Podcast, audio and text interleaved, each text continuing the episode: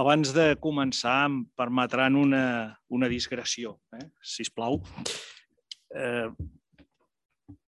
tinc a les mans unes lletres eh, fetes des de la presó del Calameco eh, que acabaven, eh, eh, responien a un escrit que, que havia fet i acabaven, i això és el que vam valorar especialment, que tot i el context extremadament difícil, mentre éreu a les presons de, de Madrid, a la presó i a les de Madrid, deies, eh, i un desig, i que continueu fent la tasca important en els drets dels infants, dels joves, com sempre feu, i que molts i moltes puguin gaudir de la vostra educació i del vostre mestratge.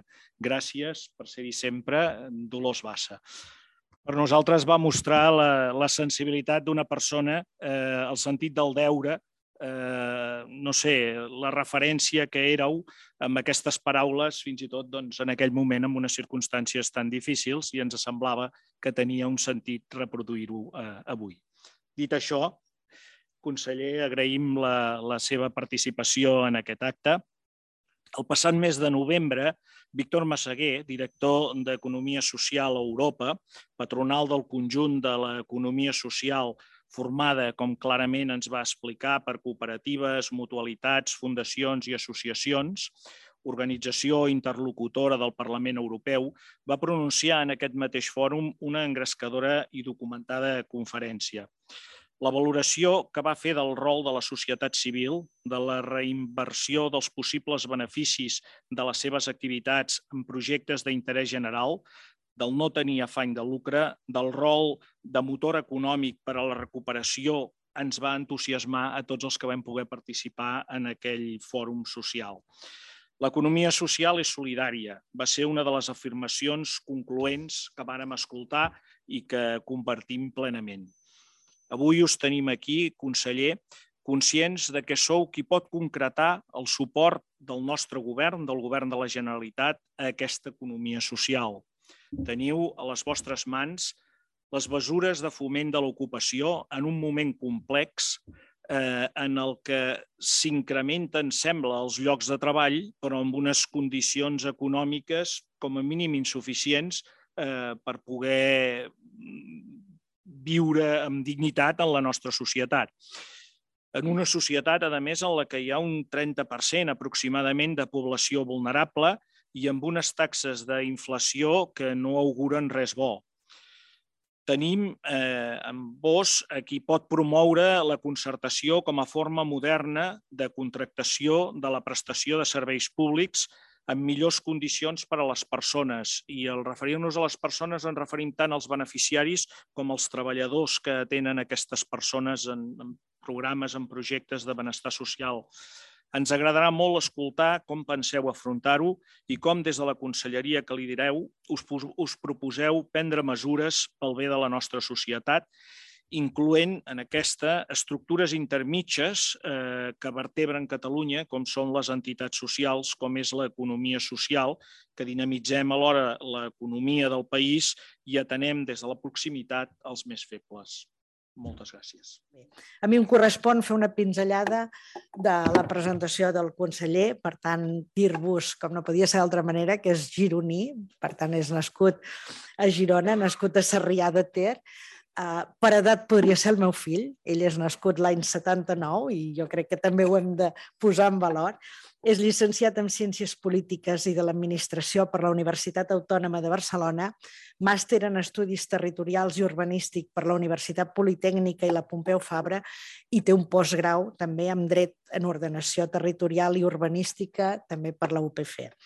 Ha estat vinculat des de molt jove a la política municipal. Ja em sembla que va ser regidor als 20 anys, per tant, molt jove. El 2007 va ser escollit alcalde, o sigui, va passar de regidor d'oposició a regidor de govern i després alcalde, i va exercir d'alcalde fins a l'any 2018, quan ja havia assumit la presidència del Parlament a una presidència que també jo crec que és el president més jove que hem tingut en el país. Per tant, eh, va anar a les llistes a nivell de, de país per primera vegada el 2012 i hi va tornar el 2015 amb aquell grup Junts per Sí, que és on vaig acabar de conèixer bé el conseller perquè anàvem junts. De fet, el coneixia com a alcalde per temes de treball i recordo l'esforç que va haver de posar com a alcalde quan en, les, en el seu municipi es va tancar una empresa importantíssim que era la Torres Paper i el temps i temps que hi va dedicar fins que es va tornar a obrir i com de quina manera va lluitar perquè es tornés a obrir amb una manera que afectés positivament a tota la població. Després, com deia, varen fer campanya en els Junts per si a comarques gironines i ell es va tornar a presentar el 2017 que jo crec mm, que mai li he agraït prou i avui també ho vull dir-ho, es va presentar com a número 2 a les llistes per comarques gironines perquè va cedir el lloc amb què em presenté jo com a número 1 que estava a la presó. És veritat que es va presentar com a número 2, però va fer tota la feina del número 1, va anar a tots els debats, ho va fer tot i per tant jo crec que això ja demostra una generositat i una responsabilitat importantíssima que avui aquí també volia dir. Està forjat, per tant, en el món municipal, és defensor del parlamentarisme i la democràcia, per això no vull oblidar que està eh, serà jutjat per desobediència junt amb els altres membres de la mesa i que la Fiscalia li demana un any i vuit mesos d'inhabilitació per haver permès el debat en el Parlament.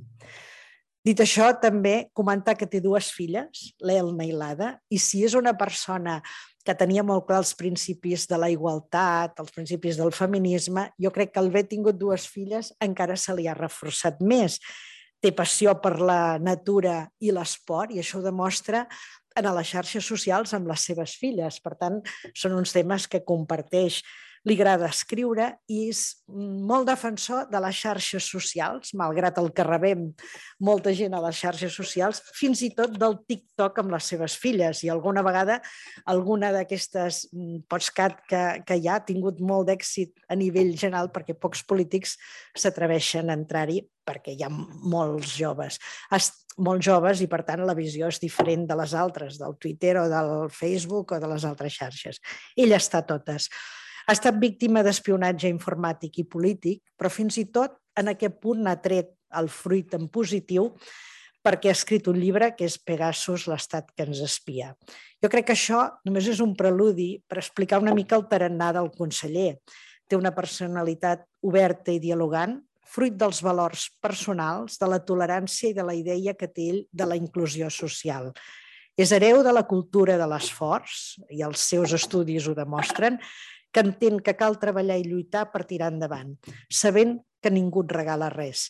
I és molt respectuós amb totes les persones, però també amb la cultura. Ho ha pogut demostrar perquè a l'hora d'escriure en el llibre d'honor ha fet un, un gran escrit que molts el que fem és eh, doncs, gràcies per ajudar, gràcies per ser aquí i poca cosa més. Pues ell sempre escriu moltíssim. Li agrada escriure, li agrada molt llegir i jo crec que és la síntesi del que diu el filòsof Francesc Torralba, com diu, ser un mateix, ser individu, requereix valor.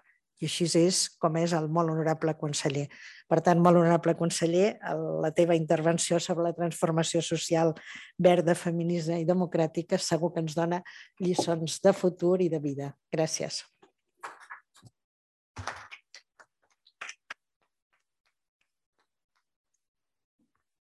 Jo quasi que ja ho podria deixar aquí, perquè després de la presentació de la consellera Bassa, eh, l'únic que puc fer és empitjorar les expectatives, diguéssim.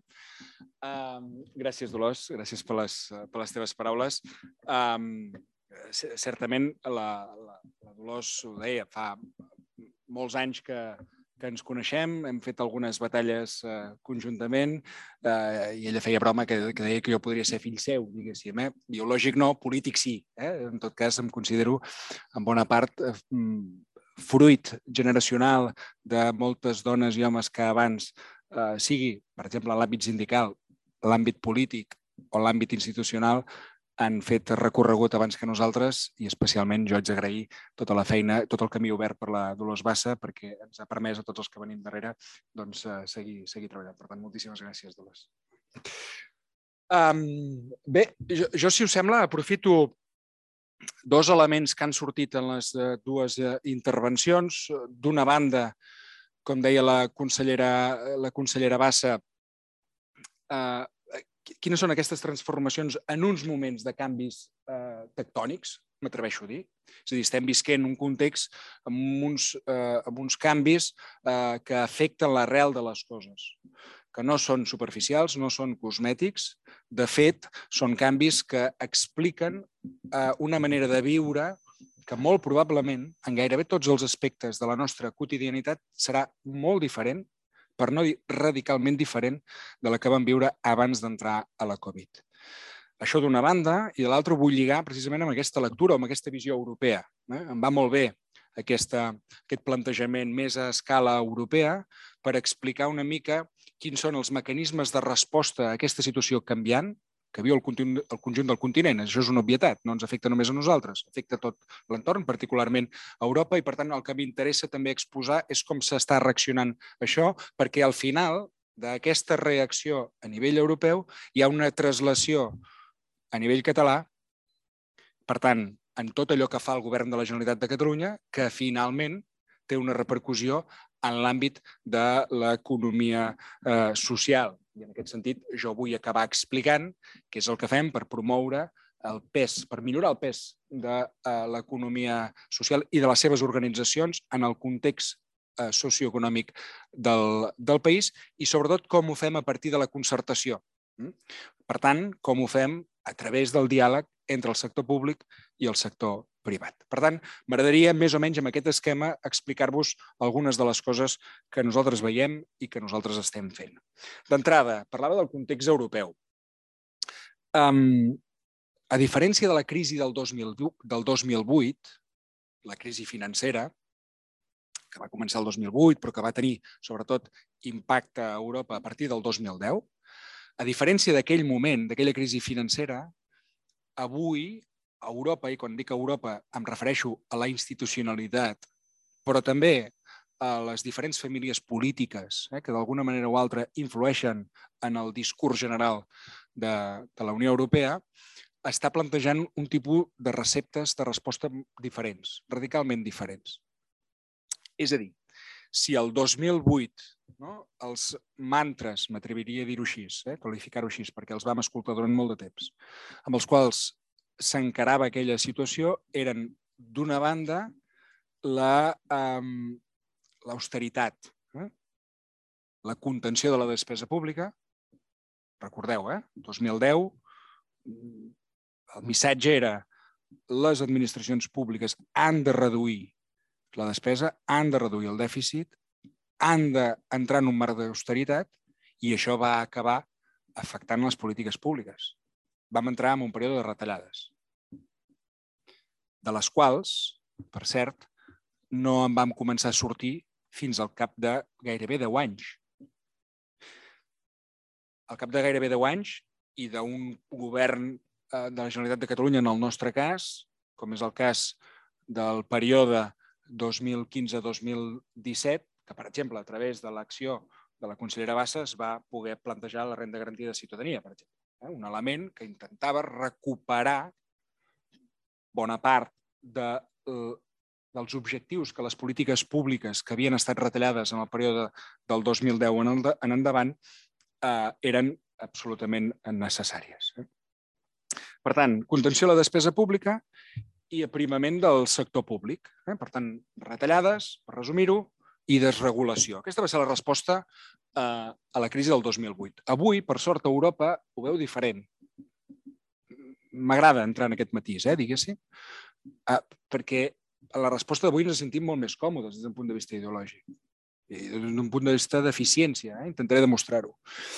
Si en aquell moment estem parlant eh, d'aquestes retallades i d'aquesta desregulació, avui Europa planteja una cosa que és l'autonomia estratègica. N'heu sentit a parlar. Les institucions, dia sí, dia també, inclouen aquest concepte en els seus discursos, a les seves explicacions públiques. Què vol dir autonomia estratègica? Doncs, entre altres coses, vol dir, per exemple, sobirania energètica, sobirania productiva, sobirania tecnològica. Això té a veure efectivament, en la capacitat de eh, poder ser un actor que des d'un punt de vista de competitivitat pugui mirar a la cara els dos altres grans actors a nivell global, que són Xina i Estats Units. Sembla que me'n vagi molt enllà, i de fet potser m'estic anant molt allà, però ja ho aterraré això. Eh? Però m'interessa fer aquesta pinzellada perquè explica moltes de les coses amb les quals, o molts dels elements eh, que hi ha sobre la taula i amb els quals estem treballant.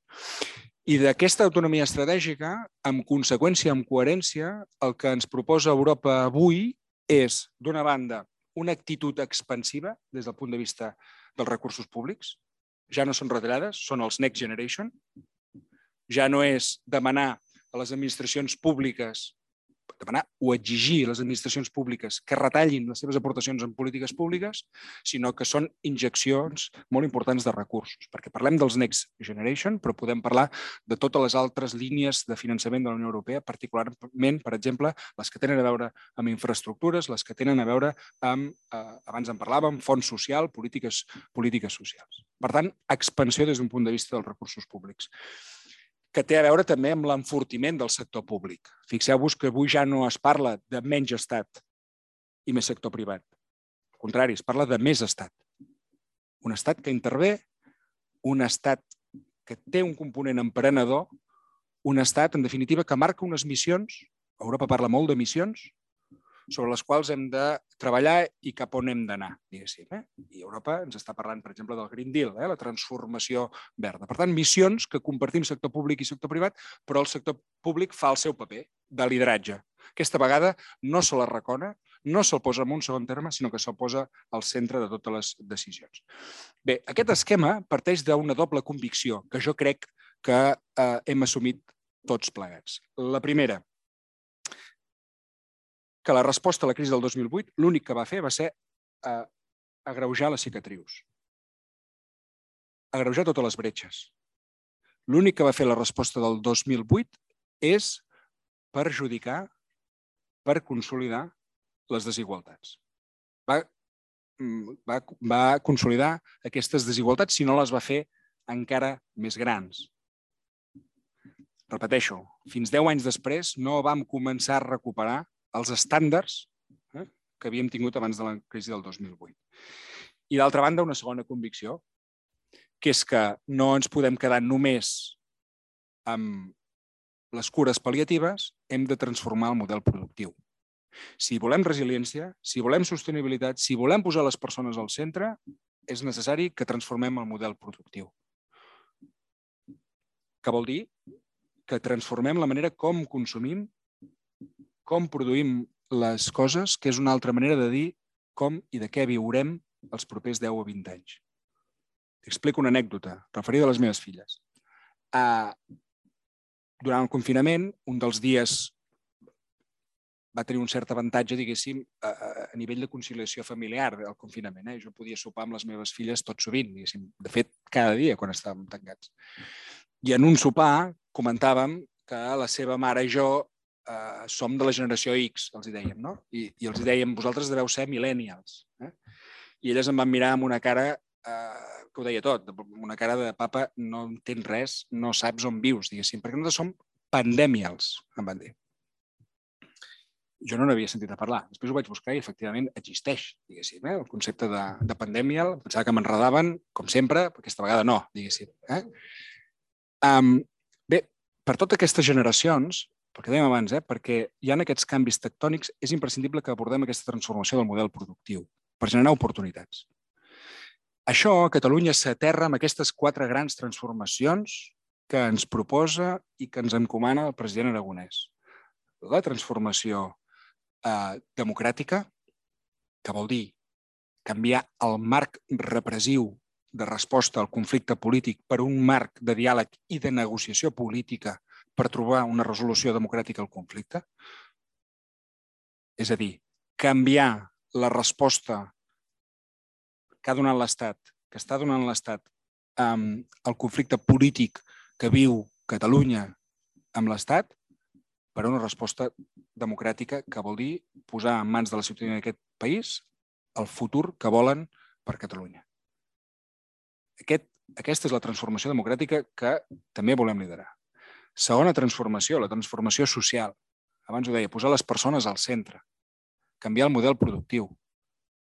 pensant en com deia la consellera Bassa fa uns quants anys i que continua sent perfectament vàlid que la millor política social és generar llocs de treball de qualitat i ben remunerats.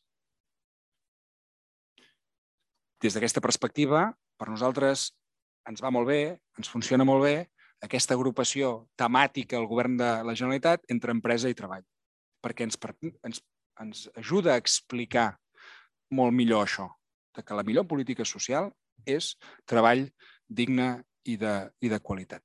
Posar les persones al centre, transformació social és imprescindible. L'altre és eh, també molt evident, la transformació verda, eh? culminar la transició energètica. En aquest sentit, ens podem convertir i això també té molt d'oportunitat econòmica. Eh? Ens podem convertir, convertir en un pol europeu de generació d'energia neta. Amb això hi estem, hi estem treballant, perquè, com us deia, no només és imperatiu des d'un punt de vista d'emergència climàtica, sinó també constitueix per si mateixa una oportunitat de creació de riquesa i de llocs eh, de treball. I, finalment, la transformació feminista, eh, que no és altra cosa que passar de la igualtat formal que marquen les lleis a la igualtat efectiva, que és la que vivim als carrers de les nostres ciutats i dels nostres pobles. Aquest gap és el que hem de resoldre. Ho hem fet molt bé legislant, ara aquesta legislació que té molt de transformació cultural també de les nostres societats s'ha d'incardinar eh, la nostra vida quotidiana desterrant el patriarcat de totes les decisions que, que ens envolten. Molt bé. En aquest context d'aquestes quatre grans transformacions, eh, el Govern de la Generalitat de Catalunya i en concret el Departament d'Empresa i Treball estem treballant en una doble direcció. Tenim aquestes transformacions i al mateix temps tenim un context socioeconòmic complex, complicat, en el qual doncs, acabàvem de sortir de la Covid, estàvem sort, estem sortint de la situació de pandèmia, no? vam viure la onada, la sisena onada amb Omicron a finals del 2021, encaràvem el 2022 amb una altra perspectiva, anem millorant en aquest sentit, però ens ha eh, eh, sobrevingut la situació de guerra derivada de la invasió russa d'Ucraïna que impacta en molts aspectes, abans ho comentava. Eh? Impacta directament, amb, òbviament, amb la crisi humanitària que això genera i que, en bona part, també som corresponsables de, de gestionar. En aquest sentit, el govern està fent un esforç molt gran. Estem al voltant, no tinc les xifres actualitzades, parlo de xifres de la setmana passada, però estem al voltant de 15.000 refugiats ucraïnesos que han arribat al nostre país, de més de 1.000 nens i nenes escolaritzats a les eh, nostres, als nostres centres eh, públics. Per tant, aquí hi ha d'haver un esforç importantíssim de caràcter humanitari per part del govern de la Generalitat que estem fent. Però també hi ha les conseqüències indirectes, que tenen a veure amb la inflació, parlava la consellera Bassa, que tenen a veure amb el preu de l'energia, per tant, amb el rebut de la llum i, per tant, amb les dificultats que, de nou, han d'assumir sobretot els més vulnerables, la part més dèbil de, eh, del, del nostre entorn. Per tant, eh, si nosaltres ens pensàvem com a govern eh, que hi hauria una primera fase de polítiques ad hoc de resposta a una situació crítica fruit de la crisi sanitària, ara això s'ha d'allargar perquè ens ha vingut la guerra i, òbviament, no hi comptava. Però no abandonem aquesta capacitat transformadora de fons. I en aquest context, tant pel que fa a les transformacions de fons del model productiu, tant pel que fa a la resposta eh, més peremptòria eh, a la situació, l'economia social juga un paper capdalt, jo diria que més estratègic del que ha jugat mai. Perquè fixeu-vos que bona part d'aquestes transformacions corresponen a valors que l'economia social projecta, que té absolutament eh, incorporats en el, seu, en el seu ADN, en la seva trajectòria que tenen a veure, òbviament, amb aquest arrelament territorial, que tenen a veure, i per tant, eh, amb, un, amb un amb un respecte i amb un ús responsable d'aquest entorn, que tenen a veure amb la generació de llocs de treball de qualitat i ben remunerats, per tant, d'aquella millor política social possible, que és la generació de treball, i que tenen a veure també amb un compromís amb la comunitat. Eh? Per tant, amb uns objectius que van molt més enllà del que és estrictament els de l'organització i que connecten amb aquest bé comú eh? que no només és necessari des d'un punt de vista ètic, sinó que és efectiu també des d'un punt de vista socioeconòmic.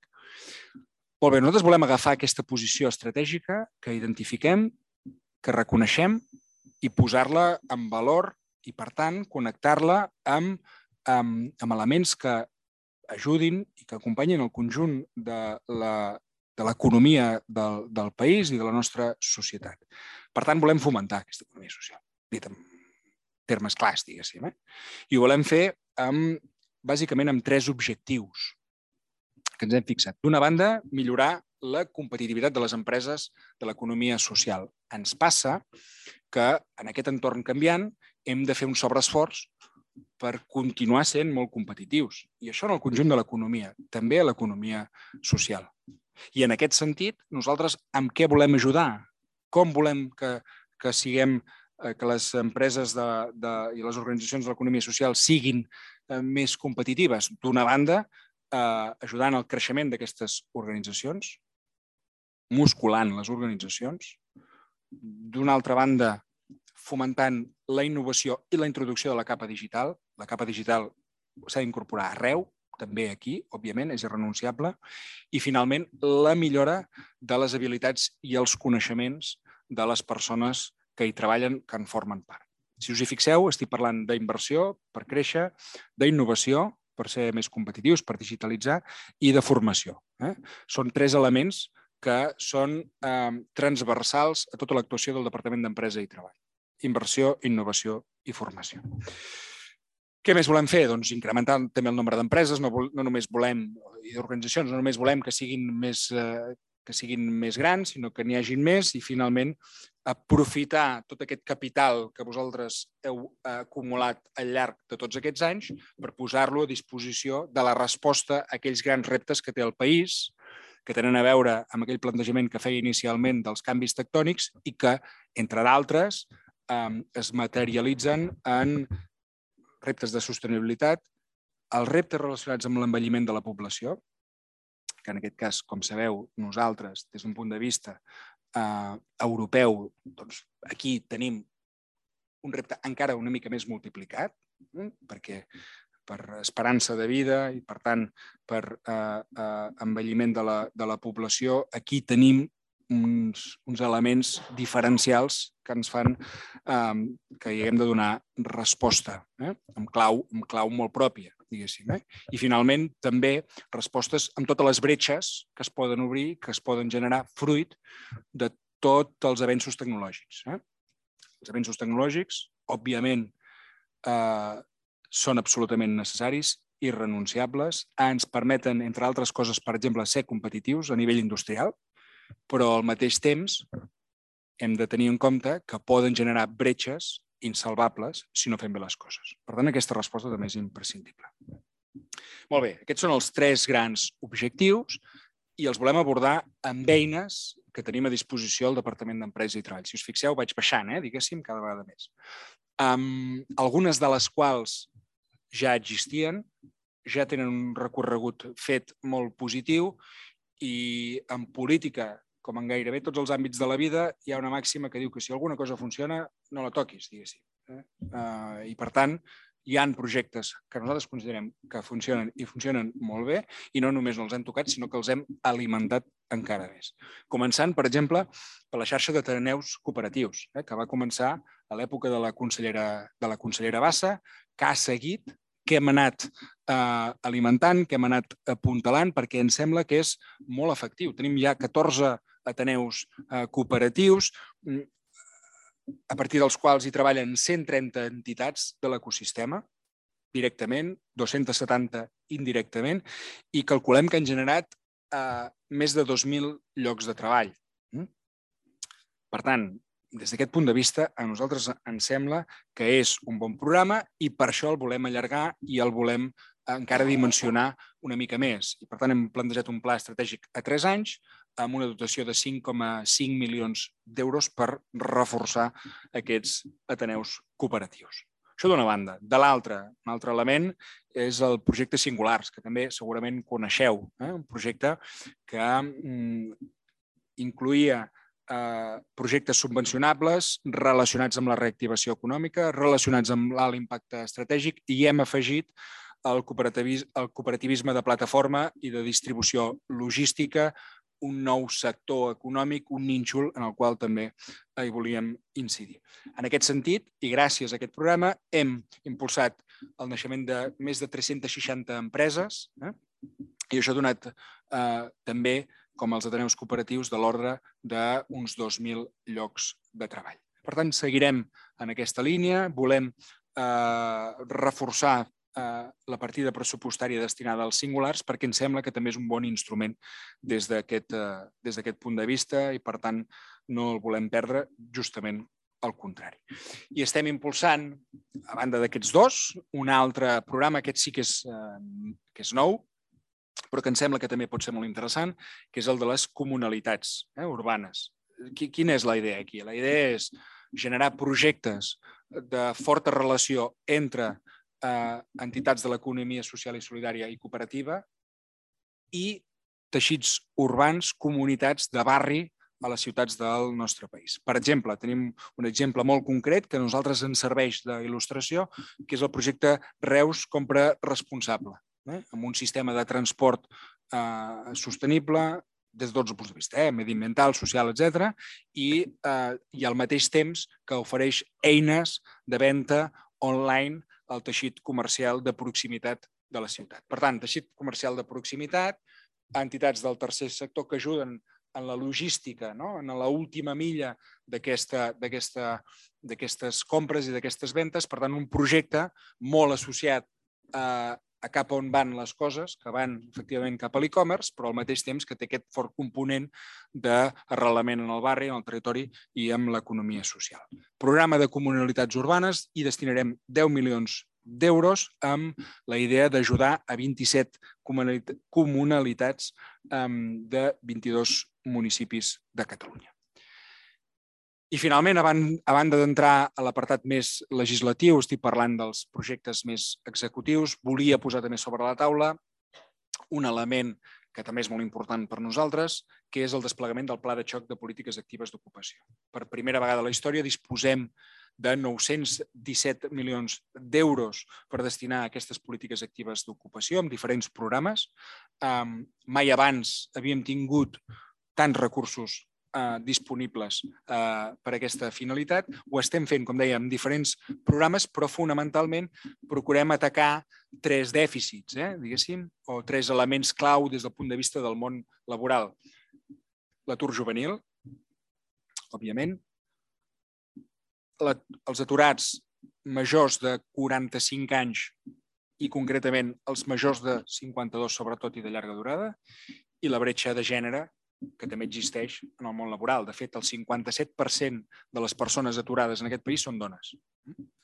Per tant, atur juvenil, i això, òbviament, molt connectat amb el que representa i amb l'esforç que fa la Fundació Pere Terrés, um, atur de llarga, de llarga durada, eh? per tant, cronificació de determinats eh, casos i eh, bretxa de gènere perquè amb, com en gairebé, per no dir tots els aspectes de la nostra vida, aquí també eh, hi ha un impacte, diguéssim, del patriarcat, en aquest cas, eh, fent molt més difícil que les dones trobin feina que no pas els homes. Volem actuar en aquestes tres línies, també tots els altres col·lectius, certament. Eh? Per exemple, doncs, estem molt orgullosos d'haver posat en pràctica el primer programa eh, d'inserció laboral de persones del col·lectiu trans. Diguéssim que vam presentar doncs, l'estiu passat amb la Conselleria d'Igualtat i Feminismes. Eh, ens sembla que és una política pública innovadora, necessària des de tots els punts de vista i, per tant, també està inclosa dintre del Pla de Xoc de Polítiques Actives d'Ocupació. Però són 917 milions d'euros que ajuden en aquest sentit. Un dels programes que hem fet és el de foment de la contractació de joves menors de 30 anys, eh? que, eh, amb el qual paguem eh, de l'ordre de 17.000 euros, una mica més de 17.000 euros per cada jove menor de 30 anys contractat per alguna de les empreses del país per un any. Eh? Bé, aquest és un exemple clar de com estem destinant aquests diners del Pla de Xoc de Polítiques Actives d'Ocupació que vehiculem sobretot a través del SOC.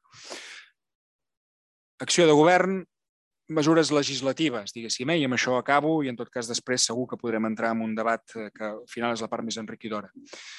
Estem eh, en ple procés d'elaboració de la Llei d'Economia Social i Solidària de Catalunya, hm? que és un deute pendent que hem anat eh, d'alguna manera doncs, reivindicant els últims anys i que és veritat que hem de saber abordar. En aquest sentit, el desembre del 2020 ja es van consensuar les bases eh, amb l'AISCAT de com havia de ser i de què havia de respondre la llei. La llei el que vol és, d'entrada, establir un marc jurídic necessari per l'economia social i solidària. Després, també el que vol és fomentar i promocionar aquesta economia dintre del context general de l'economia del, del país i, finalment, del que parla també és del reconeixement i la representativitat, això també és molt important, institucional de l'economia social eh, al, nostre, al nostre país. La idea és que a finals d'abril tinguem ja eh, el text per començar a fer ja eh, l'última part almenys la que correspon al govern del periple de la, de la llei a finals d'abril, com deia, i per tant podem iniciar ja la tramitació que anirà acompanyada d'un nou procés de participació pública i per tant d'esmenes dels diferents eh, agents. Eh? Però en tot cas, torno a dir, neix d'aquest consens previ amb l'ESCAT que ens sembla que és el que ha de vestir no? i que ha d'inspirar tot el text eh, definitiu. Eh? Um, per nosaltres és important poder fer la llei, poder-la fer amb concertació, si volem que sigui inclusiva, si volem que sigui realment transformadora, que sigui al mateix temps flexible i, per tant, que doni cobertura a tothom, és imprescindible que la puguem fer de manera eh, consensuada. Eh? La proposta de llei s'està treballant, insisteixo. D'altra banda, hi ha altres iniciatives. També hem tingut oportunitat de parlar-ne una mica abans d'aquest acte, eh, que és, per exemple, la llei del de, tercer sector, eh, que efectivament doncs, també el sector l'està treballant i nosaltres eh, anirem acompanyant en aquest procés, per bé que aquí el focus es posarà més al Parlament que al govern, però en tot cas també eh, anirem eh, acompanyant en aquest, eh, en aquest procés, a la mesura doncs, que puguem i també tinguin en compte quins són els matisos que nosaltres eh, veiem en el text i, i, i cap on creiem que s'hauria de, um, de dirigir, però en qualsevol cas amb la voluntat absoluta, com no pot ser d'altra manera, d'arribar a un gran acord també en aquest camp. Eh? Per tant, i resumeixo i tanco. Grans transformacions que s'han de correspondre amb les que fem a Catalunya, perquè si no, aquelles bretxes i aquelles cicatrius que es van generar el 2008 s'agreujaran i perdrem competitivitat i, per tant, això tindrà un impacte socioeconòmic i aquestes grans transformacions no les podem ni volem fer sols, les hem de fer de manera concertada i especialment pels valors que representa amb l'economia social i solidària, que és eh, un actor irrenunciable a la història d'aquest país i que, si fins ara ha tingut un pes important, crec que ara encara n'haurà de tenir més perquè el nou model de país i de societat que volem té molts dels components que vosaltres heu defensat tradicionalment.